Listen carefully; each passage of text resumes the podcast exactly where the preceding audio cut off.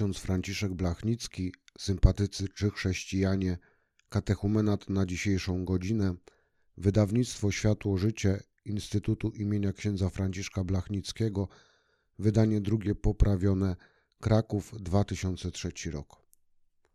Cechy klasycznego starochrześcijańskiego katechumenatu. Udział świeckich. Pierwszą charakterystyczną cechą tego katechumenatu był udział świeckich w doprowadzaniu nowych kandydatów do chrztu. Członkowie gminy chrześcijańskiej zwyczajnie pociągali za sobą ludzi, którzy interesowali się chrześcijaństwem, troszczyli się o to, żeby przekazać im wiarę, wprowadzić w styl życia podporządkowany wierze czy z niej wynikający. Oni, świeccy, przyprowadzali pierwszą ewangelizację, a potem dalej prowadzili powierzone sobie osoby. To jest właśnie dokładnie ta metoda, którą my dzisiaj zaczynamy stosować.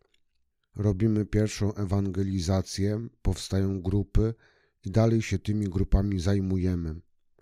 Z tych właśnie zdobytych przez ewangelizację osób tworzymy grupy uczniów. Kiedy przychodził moment dopuszczenia do chrztu, Kościół wymagał, żeby ktoś za tych kandydatów poręczał. Oni wobec wspólnoty oświadczali, że ten człowiek jest przygotowany, przyjął Ewangelię, zmienił swoje życie i że można mu udzielić chrztu, przyjąć go do wspólnoty Kościoła. Pozostało to w praktyce Kościoła jako instytucja tzw. Tak rodziców chrzestnych. Ale czy dzisiaj rodzice chrzestni wprowadzają młodych w życie wiary? Oni są raczej od prezentów.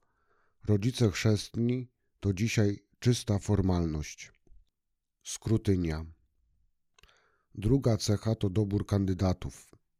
Były przeprowadzone tak zwane skrutynia, czyli pewnego rodzaju egzaminy. Sprawdzano, czy dany kandydat jest dojrzały i przygotowany do chrztu. Pierwszy taki egzamin odbywał się już przed przyjęciem do katechumenatu. Po ewangelizacji sprawdzano, czy nawrócenie kandydata jest autentyczne. Mogło one bowiem nastąpić z różnych względów. Na przykład ktoś chciał zawrzeć związek małżeński z chrześcijaninem, albo potem, gdy chrześcijaństwo stało się religią, jakbyśmy dzisiaj powiedzieli państwową w Cesarstwie Rzymskim, można było liczyć na jakieś korzyści, a może to nowe było jedynie silnym emocjonalnym przeżyciem bez głębszych fundamentów. Oczekiwano oznak trwałego nawrócenia. Nawet pewne zawody czy stanowiska urzędnicze uznawano za nie dające się pogodzić z życiem chrześcijańskim i żądano rezygnacji z nich.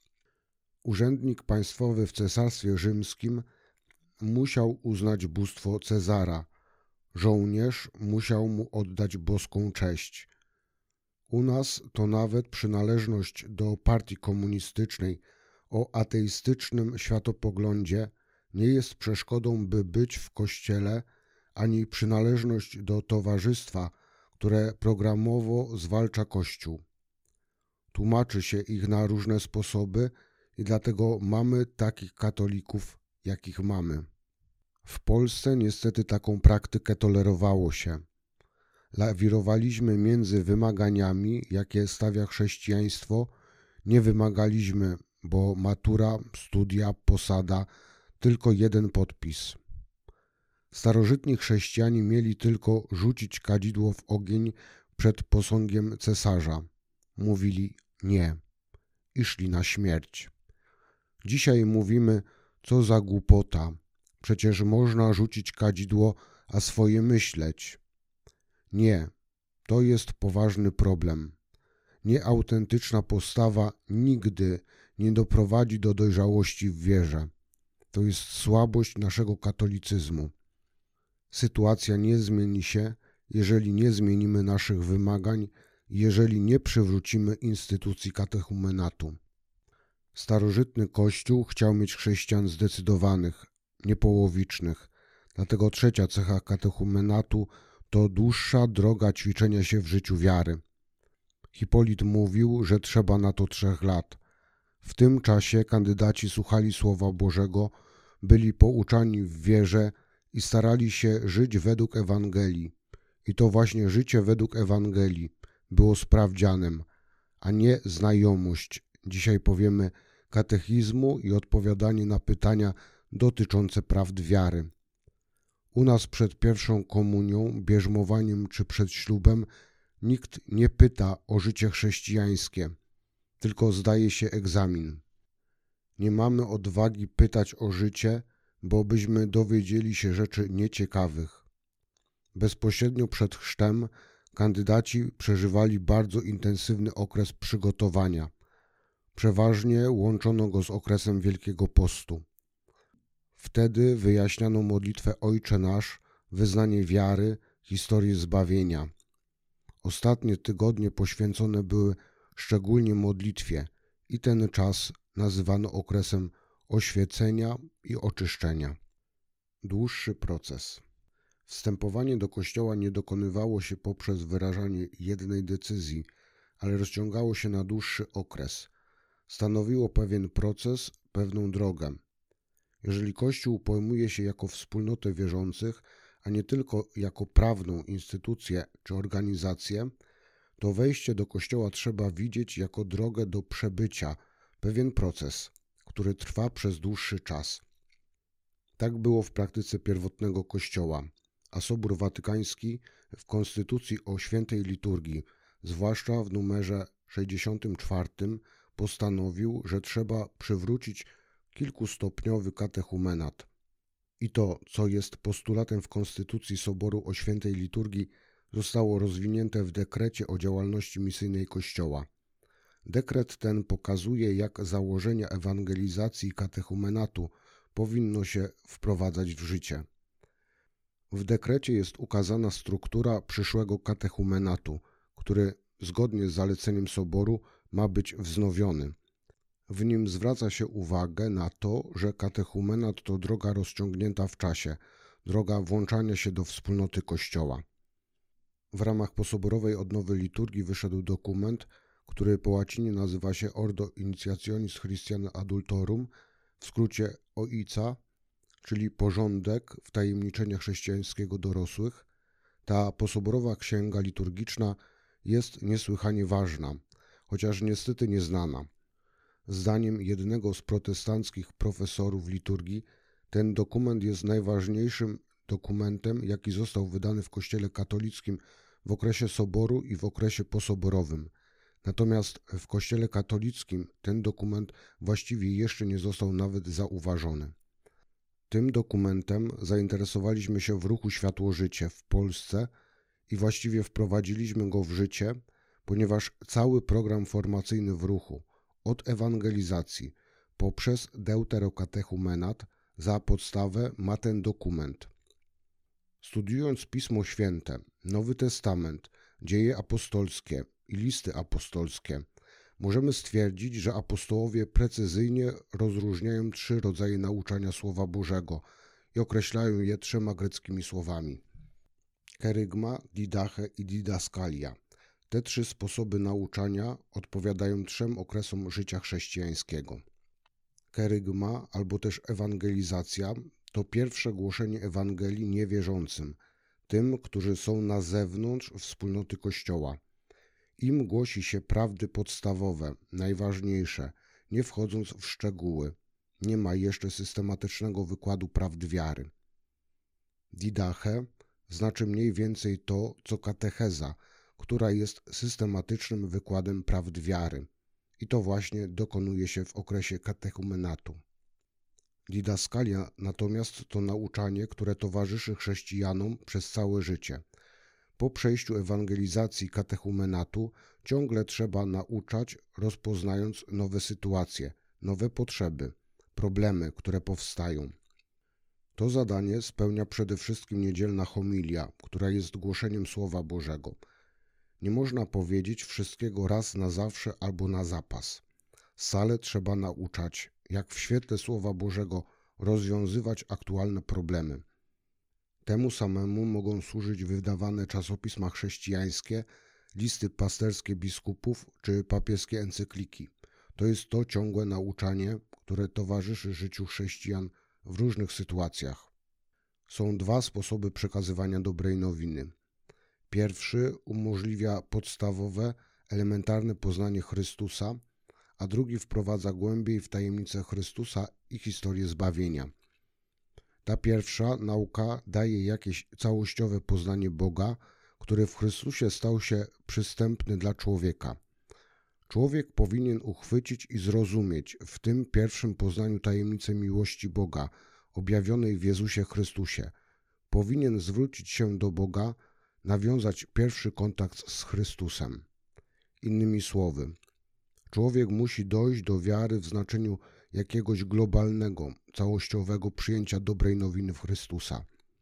Dopóki nie uczyni tego kroku, to katechumenat jest dla niego jeszcze zamknięty. Ewangelizacja osiąga swój cel, kiedy człowiek dokona zwrotu w kierunku Chrystusa, nawróci się i przyjmie Chrystusa do swojego życia. To jest właśnie okres ewangelizacji. Natomiast okres postewangelizacji umacnia te decyzje i weryfikuje motywy. Po nim następuje włączenie do właściwego katechumenatu. Właściwy katechumenat stanowi drugi etap na tej drodze włączenia się do gminy chrześcijańskiej. Ciągle jeszcze chodzi tutaj o fundamentalne nawrócenie, ale teraz dokonuje się to w sposób bardziej systematyczny w oparciu o historię zbawienia. Tu jest miejsce na planową katechezę, która nawiązuje do Pisma Świętego, do historii zbawienia. Tu chodzi głównie o tak zwany skład apostolski, czyli o najważniejsze podstawowe prawdy wiary. Katechumenat może trwać rok, dwa lub trzy lata, a nieraz i dłużej. Zależy to od tempa dojrzewania kandydata i od momentu jego nawrócenia. Trzeci okres to intensywne ćwiczenia już przed samym przyjęciem Chrztu Świętego, to jak gdyby czterdziestodniowe rekolekcje, ponieważ trwają przez cały okres Wielkiego Postu. Na początku tego okresu kandydaci przeżywają skrutynium, czyli jak gdyby egzamin sprawdzający dojrzałość. Temu towarzyszy obrzęd wpisania imienia do księgi tych, którzy podczas najbliższych świąt wielkanocnych zostaną ochrzczeni. Po chrzcie jest okres mystagogii dla neofitów, czyli dla tych nowo ochrzczonych, okres wtajemniczenia w życie wspólnoty chrześcijańskiej. W liturgii łączy się on z okresem pięćdziesiątnicy, to znaczy pięćdziesiąt dni od Wielkanocy do zesłania Ducha Świętego. W tym okresie w odnowionej liturgii są tak zwane msze mystagogiczne, które nawiązują do tego okresu wtajemniczenia w Kościół jako wspólnotę wiary i sakramenty. Neofici uczestniczą w Eucharystii, są włączani do tej wspólnoty chrześcijańskiej, przez co umacniają się i uczestniczą w jej życiu. Całościowe ujęcie człowieka. Inicjacja katechumenalna nie jest tylko przekazywaniem wiedzy o chrześcijaństwie, ale jest całościowym wdrażaniem w życie chrześcijańskie. Cechuje ją całościowe ujęcie człowieka. Katecheza współczesna posiada charakter nazbyt pamięciowo-intelektualistyczny, przemawia do rozumu poprzez rozum do woli, ale nie ogarnia całej osoby, całej egzystencji człowieka. Natomiast katechumenat chce całego człowieka wprowadzić w nowe życie z wiary, życie obejmujące wszystkie obszary jego egzystencji. Starożytny katechumenat był szkołą wiary, szkołą ewangelicznej przemiany, czyli metanoi, szkołą modlitwy i służby Bożej, wreszcie szkołą służby w Kościele i w świecie. Nawrócony, ten, który wskutek ewangelizacji przyjął Chrystusa, powinien stać się teraz uczniem Pana. Nie wystarczy, że otrzyma pewną wiedzę, pewne wyjaśnienie nauki wiary, wyjaśnienie przykazań, ale trzeba, żeby dokonywało się praktyczne wdrażanie w życie chrześcijańskie. Praktyczne to znaczy, że katechumen musi się nauczyć podejmowania decyzji w świetle Bożego Słowa, by przed dokonaniem wyboru zapytał, czego wymaga od niego Boże Słowo. Dopiero teraz katechumen będzie działał według ducha Jezusa.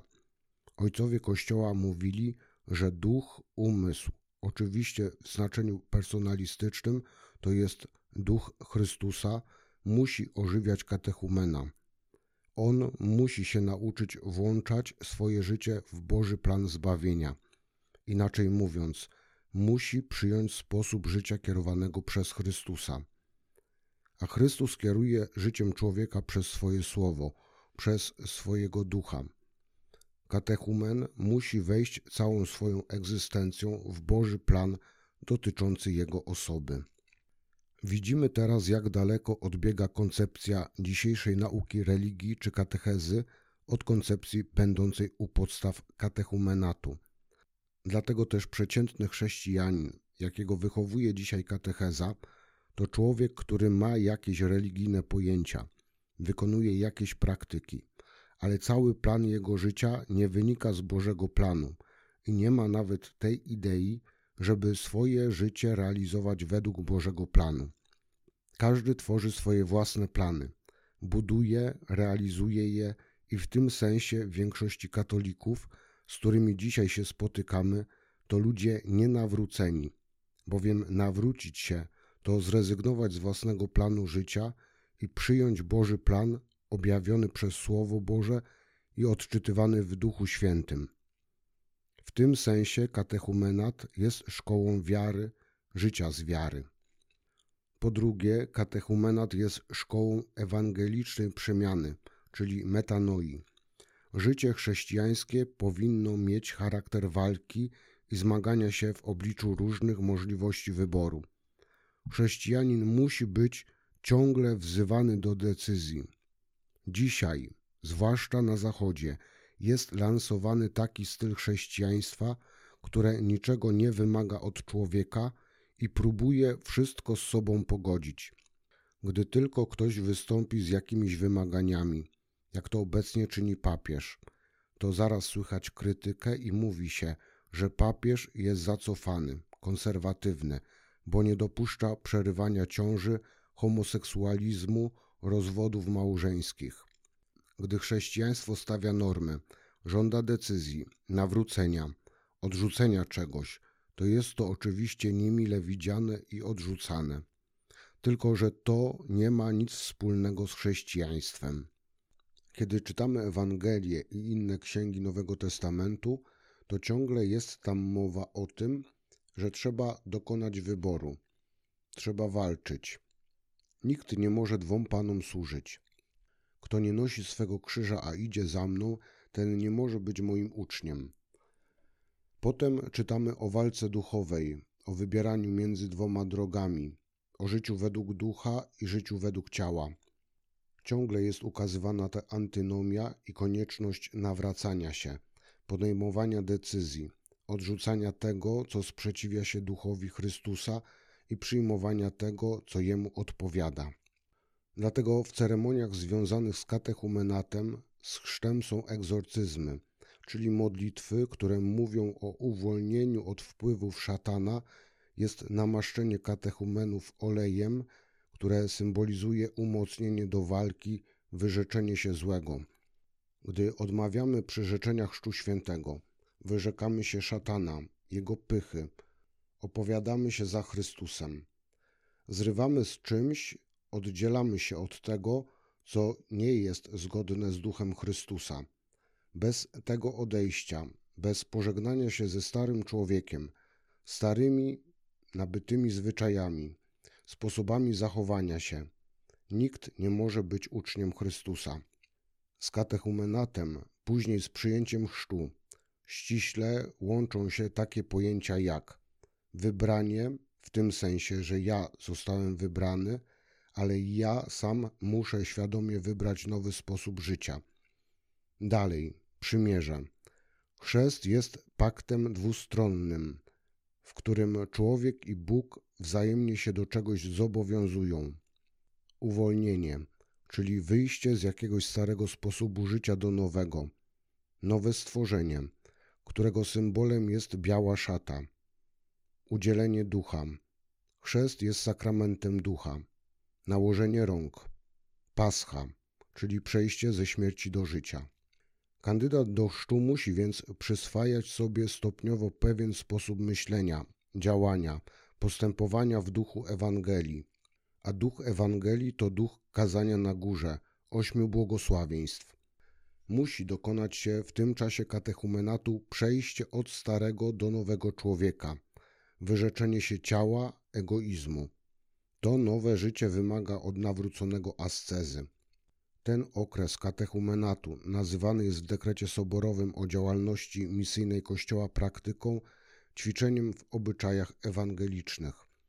Znowu musimy stwierdzić, że obecna katecheza bardzo mało ma w sobie tych elementów, jest bardzo odległa od ideału katechumenatu. Katechumenat jest szkołą modlitwy i służby Bożej. Człowiek musi się nauczyć modlitwy, musi przejść szkołę modlitwy osobistej, także musi nauczyć się uczestnictwa w modlitwie wspólnej. Dlatego porządek katechumenatu przewiduje uczestnictwo w nabożeństwach, wspólnych modlitwach, celebracjach Słowa Bożego. Trzeba się modlić o łaskę Bożą, bo tylko ona sprawia przemianę człowieka. Katechumenat wreszcie jest szkołą służby w Kościele i w świecie. Chrześcijanin musi być obecny także w życiu społecznym. Chrześcijaństwo nie jest sprawą czysto wewnętrzną. To, co wewnętrzne, musi się uwidocznić, musi powodować skutki społeczne. Katechumen musi wiedzieć, że wstąpienie do Kościoła to nie ucieczka od świata, ale oddanie się na służbę zarówno braciom w Kościele, jak i światu. Życie z wiary, przemiana obyczajów, praktyka służby Bogu i modlitwy oraz jakiś kościelno-społeczny wkład to są te cztery aspekty katechumenatu, które muszą być uwzględnione. Dopiero wtedy, gdy katechumen będzie objęty tą właśnie formacją w całej swojej egzystencji, może zostać rzeczywiście przygotowany do włączenia się do Kościoła.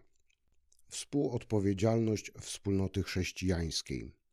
Ważnym elementem w procesie inicjacji jest współodpowiedzialność gminy. Katechumenat był nie do pomyślenia bez instytucji ojcostwa chrzestnego.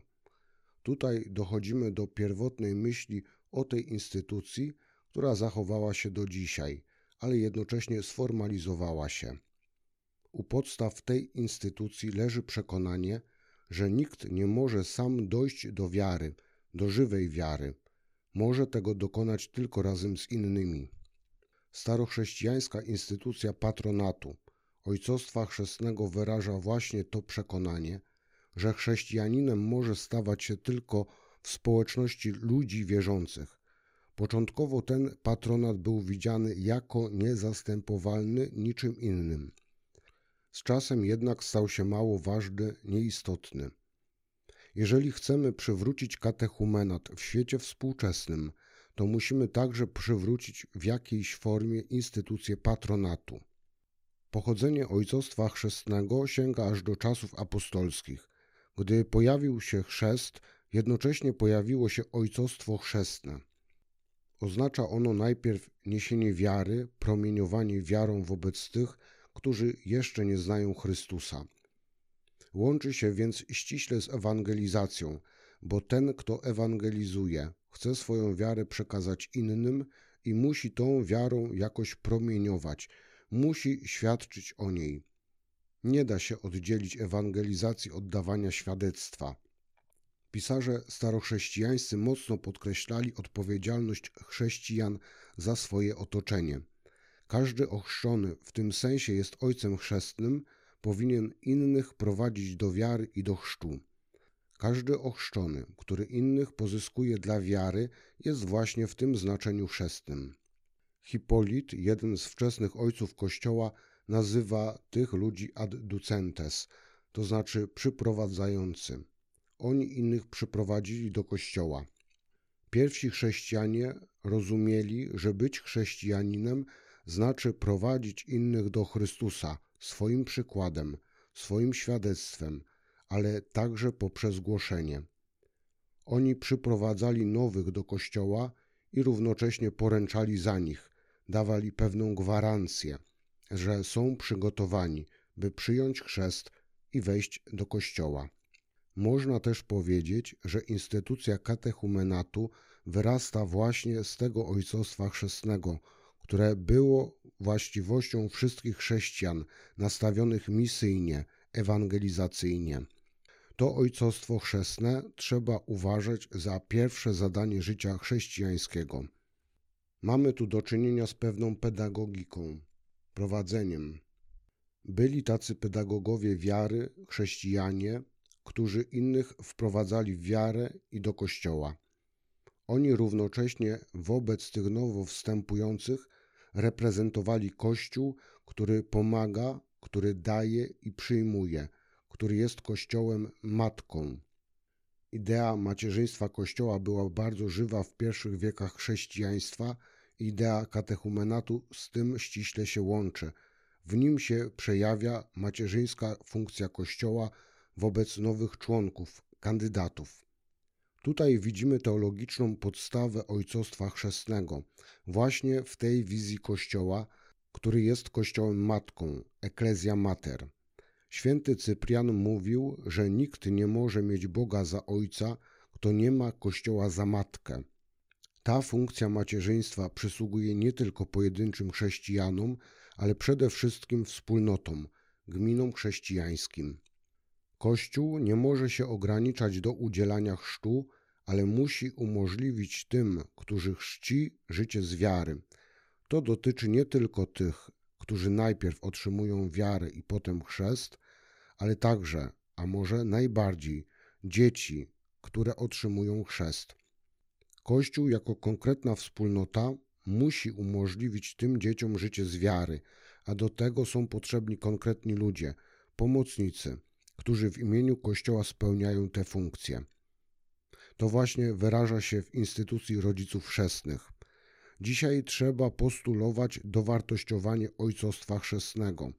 To musi znaleźć swój wyraz nie tyle w samej prawnej, formalnej instytucji rodziców chrzestnych, ale w tym, że konkretne wspólnoty, małe wspólnoty chrześcijan będą spełniały taką rolę, przyjmując kandydatów i prowadząc ich do dojrzałej wiary, dając im uczestnictwo w życiu wiary.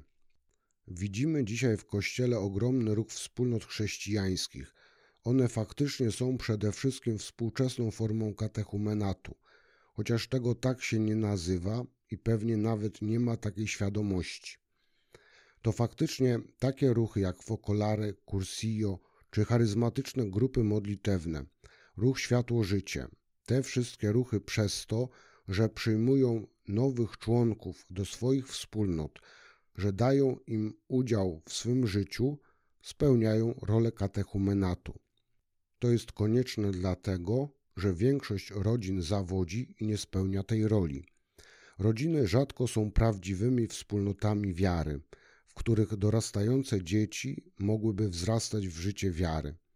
Tak liczne powstające dzisiaj ruchy wspólnot chrześcijańskich te właśnie lukę zastępczo wypełniają. Losy katechumenatu w ciągu dziejów. Pewną formę katechumenatu możemy znaleźć już w Starym Testamencie. Lud Boży Starego Testamentu posiadał pewne zwyczaje, które miały na celu przekazanie młodemu pokoleniu tradycji właśnie tego ludu, dzieł Bożych, które zostały przez Boga dokonane w historii. Na przykład był taki zwyczaj, że w czasie obchodu Paschy, jak wiadomo na pamiątkę wyprowadzenia z niewoli egipskiej, w czasie uczty paschalnej ktoś z młodych ludzi pytał o sens tej uroczystości, skąd się ona wzięła, co oznacza. Ktoś ze starszych opowiadał o dziejach Jahwe w historii Izraela. Była to tak zwana Haggada. W niektórych psalmach są ślady tej tradycji – Niektóre zawierają jak gdyby skrót historii, opierają dzieła Jahwe w historii Izraela. Te właśnie Hagady miały funkcję katechetyczną czy katechumenalną. Jeżeli chodzi o Nowy Testament, to źródłem instytucji katechumenatu są słowa Chrystusa: Czyńcie sobie uczniów. To jest nakaz Chrystusa pozostawiony apostołom i ich następcom i w ogóle Kościołowi. Kościół, spełniając ten nakaz Chrystusa, powinien w każdym czasie, w każdej epoce swoich dziejów, przyjmować uczniów do kościoła i otaczać ich szczególną troską. Na tym polega w najogólniejszym znaczeniu katechumenat. Kościół gromadzi uczniów, troszczy się o nich i prowadzi ich do wspólnoty Kościoła. Ten motyw odpowiedzialności Kościoła za młode pokolenia występuje w literaturze starochrześcijańskiej w dwóch obrazach. Pierwszy nawiązuje do tekstu z pierwszego listu świętego Piotra, gdzie jest mowa o budowli wznoszonej z żywych kamieni. Owo włączanie, wmurowywanie kamieni w te budowle to jest właśnie obrazowo przedstawiona funkcja katechumenatu. Drugi obraz to obraz Kościoła Matki, Ecclesia Mater. Ten obraz ukazuje nam dobitnie sens katechumenatu. Kościół jako rzeczywistość dynamiczna, jako lud Boży, jako świątynia i matka wierzących musi patrzeć w przyszłość i musi troszczyć się o pokolenia wchodzące i dorastające w nim. Musi te pokolenia przygotować Panu. Aby wypełnić to zadanie, Kościół musi być obecny w swojej godzinie, to znaczy musi w każdej godzinie swoich dziejów mieć jakąś formę katechumenatu. Każda epoka to czas zbawienia, to kairos, czas wypełniony przez Boga, historią zbawienia. Forma katechumenatu zmienia się w ciągu historii, zależnie od warunków. To jest bardzo ważne, żeby katechumenat zawsze był zwrócony ku człowiekowi tej godziny, a nie ku człowiekowi pojętemu jakoś abstrakcyjnie. Właśnie w tej zmieniającej się postaci katechumenatu aktualizuje się zbawcza troska Kościoła Matki.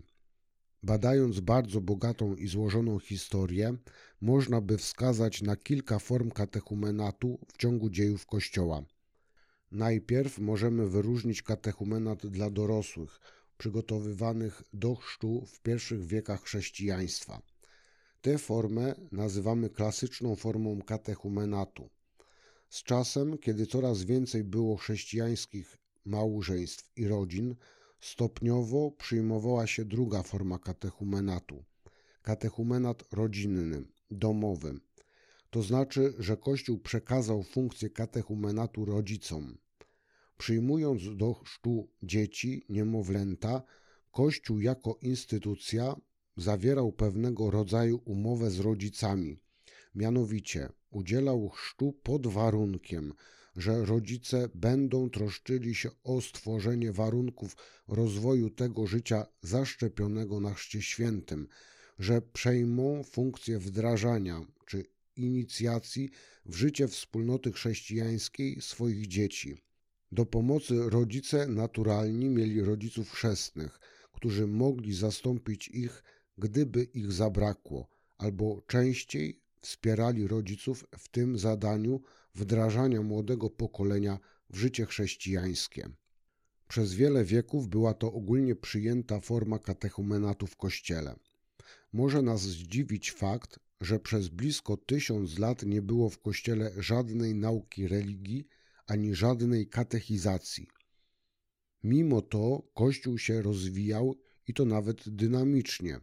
Był misyjny, ekspansywny, zmieniał życie ludzi. Powstała średniowieczna Civitas Christiana, gdzie wszystkie dziedziny życia były przeniknięte duchem chrześcijańskim. Wszystko dlatego, że działał katechumenat domowy, rodzinny. W rodzinach panowała atmosfera życia chrześcijańskiego, życia z wiary. Dzieci po prostu wzrastały w ten sposób życia i to wystarczyło. Potem katechumenat domowy był uzupełniany przez katechumenat parafialny, na który składało się życie liturgiczne, rok liturgiczny, zwyczaje, nauczanie w kościele. Te dwie formy dopełniały się. Dopiero w okresie reformacji, XVI wiek i po niej, w związku z powstałymi błędami, Kościół musiał intensywnie nauczać. Trzeba było wiele spraw z nauki wiary ściślej określić, zwłaszcza te, które zostały zakwestionowane. W tym okresie rozwijały się szkoły tworzone przez Kościół, szkoły katedralne, przyklasztorne, a nawet parafialne. W tych szkołach systematycznie nauczano prawd wiary. Zresztą te szkoły początkowo służyły przede wszystkim wychowywaniu kandydatów do kapłaństwa albo też lektorów, kantorów. Potem stopniowo powstawał parafialny katechumenat dzieci i młodzieży. Nie wszędzie były szkoły, nie wszyscy mogli do nich uczęszczać, ale katechizowanie, i to najpierw dorosłych, zadomowiło się w parafii na dobre. Dzisiaj jest nowy okres, zwłaszcza na zachodzie. Mianowicie katechumenat został wbudowany w ramy szkoły państwowej. W XIX wieku przyjął się system szkolnictwa i poszczególne państwa stopniowo wprowadzały tak zwany obowiązek szkolny. Dzieci w pewnych granicach wieku musiały uczyć się w szkołach. Wówczas to także katecheza została włączona do programu szkolnego i odtąd była nauką religii, jednym z przedmiotów szkolnych obok matematyki, geografii, historii, biologii itd. Tak Czy ten katechumenat szkolny, który właściwie do dzisiaj jest powszechnie przyjętą formą katechumenatu, rzeczywiście odpowiada wymaganiom katechumenatu, czy spełnia te funkcje, czy możemy być spokojni, to są wielkie znaki zapytania. Chociaż dzięki wprowadzeniu tzw. Tak nauki religii do szkół, z jednej strony rozszerzył się krąg ludzi, którzy systematycznie pobierali tę naukę, to nie wiadomo, czy jednak nie było więcej minusów. Po pierwsze, rodzina chrześcijańska stopniowo zatracała tę świadomość, że w pierwszym rzędzie to ona powinna stworzyć katechumenat domowy i że w tej funkcji nic nie może rodziny zastąpić ani szkoła, ani katecheza przykościelna. Gdyby istniał wybór, systematyczna katecheza szkolna czy katechumenat domowy, rodzinny, na pewno ta druga propozycja byłaby lepsza. Jeżeli bierzemy pod uwagę owocność, skuteczność, to jest ona niewspółmiernie większa w katechumenacie rodzinnym. Niestety rozszerza się taka świadomość wśród rodziców, że główny obowiązek wdrażania w życie chrześcijańskie i prawdy wiary przejmuje Kościół przez swoich urzędowych katechetów, a rodzice mają tylko rolę pomocniczą, mają posyłać dzieci na naukę religii i jakoś to kontrolować. Duszpasterze i urzędowi katecheci, zaangażowani przez Kościół i z ramienia Kościoła działający, też coraz bardziej ugruntowują taką świadomość, że oni są głównymi odpowiedzialnymi, że na nich ciąży obowiązek przekazania prawd wiary, wdrożenia w praktyki życia religijnego.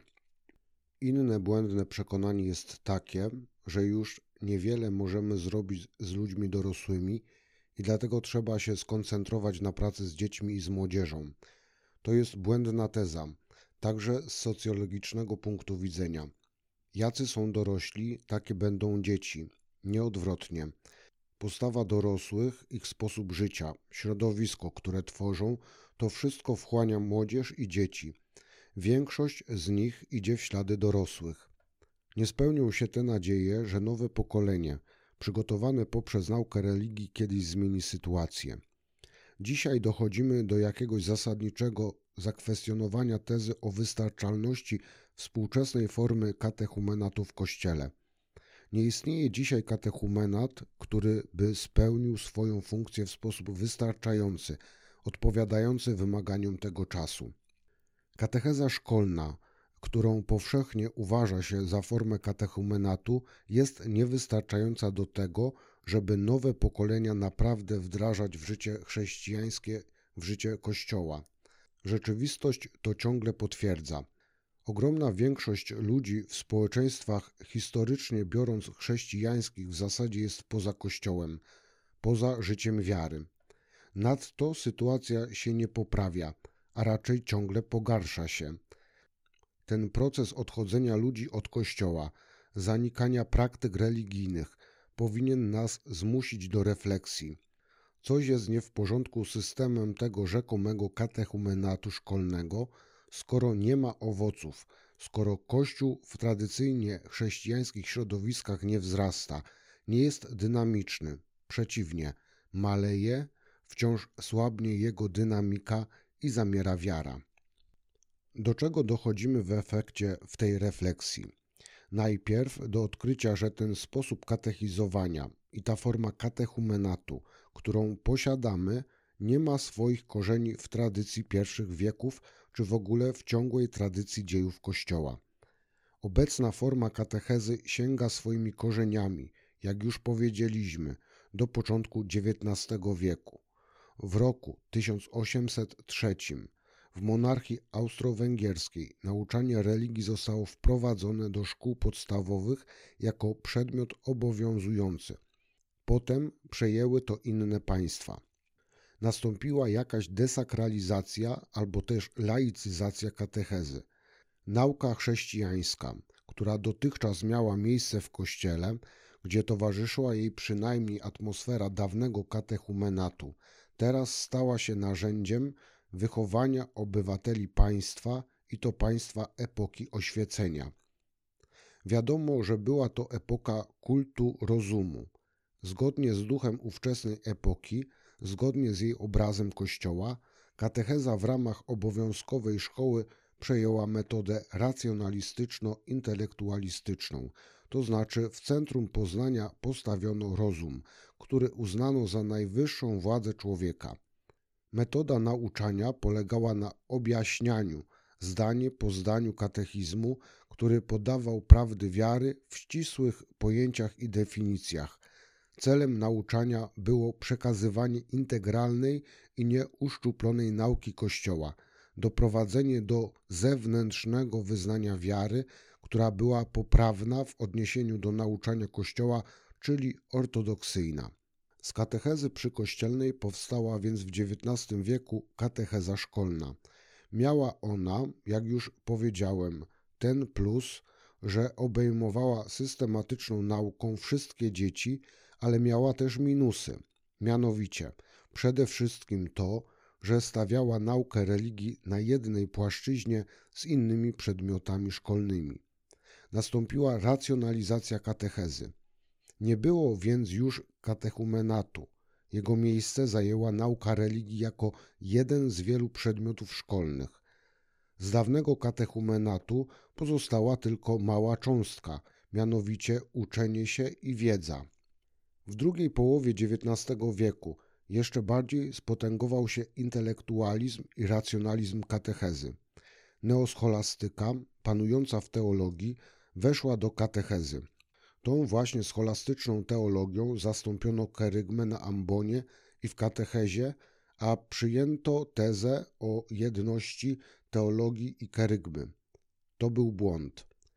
Ten kierunek, ta tendencja znalazła swój wyraz przede wszystkim w katechizmie, który powstał w tej epoce i stał się powszechnie znany pod nazwą katechizmu niejakiego Józefa de Harbea. Otóż ten katechizm był wtedy powszechnie używany w kościele także w Polsce aż do 1924 roku, a nawet aż po II Sobór Watykański. To katechizm pojęciowy, racjonalistyczny, złożony z pytań i odpowiedzi, które były formułowane w terminologii scholastycznej teologii. Z tym katechizmem łączy się metoda analizy i objaśnienia tekstu, tak zwana metoda egzegetyczna. W tym okresie w ogóle w pedagogice, w dydaktyce panował ten właśnie kierunek intelektualistyczny. Wiedzę powszechnie utożsamiano z wychowaniem. Nauczanie to automatycznie wychowywanie. Ówczesna psychologia uważała, że wola człowieka jest tylko pewną modyfikacją wyobraźni, albo inaczej, że ma swoją siedzibę w sferze myśli.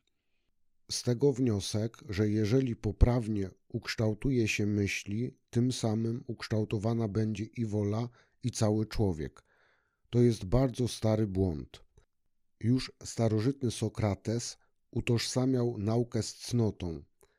Ten właśnie kierunek bardzo rozpowszechnił się w XIX wieku. Zadomowił się także w tzw. Tak wychowaniu socjalistycznym, w którym zapanował materializm dydaktyczny. Przekazuje się ogromną ilość schematów, pojęć, myśli, ale człowiek jakoś nie zmienia się. Materializm dydaktyczny w nauczaniu polega na tym, że jedyny cel nauczania widzi się w owym wtłaczaniu w umysły uczniów jak największej ilości wiadomości. To zresztą do dzisiaj powszechnie panuje na uniwersytetach, zwłaszcza na wschodzie. Istnieje problem ciągłego wydłużania studiów i mnożenia ilości godzin wykładowych. W seminariach duchownych z czterech lat przeszło się już na sześć albo siedem. W efekcie studia polegają na tym, że człowiek wkuwa, zdaje egzaminy i zapomina, żeby zrobić miejsce na nowe informacje, śmieci w swoim umyśle. Czasem znajdzie się ziarno wśród tego mnóstwa informacji, ale niezbyt wiele z tego się zapamiętuje. Skutki takiej szkoły są oczywiście opłakane. Jeden z wybitnych pedagogów, niejaki Pestalozzi, wypowiedział kiedyś takie zdanie: Wiadomości bez umiejętności najstraszniejszy to dar, który jakiś wrogi geniusz złożył w darze naszemu stuleciu.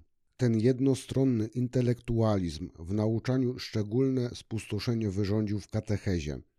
Także tutaj wiedza encyklopedyczna, oderwana od życia, była wyłączną wartością wychowawczą.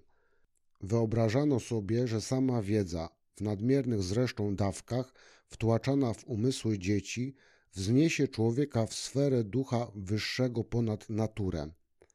Katecheci w dużej mierze ulegali temu złudzeniu, polegającemu na pomieszaniu wiedzy religijnej z religijnym poznaniem, względnie przekonaniu, że religii można nauczyć przy pomocy metod świeckiej dydaktyki.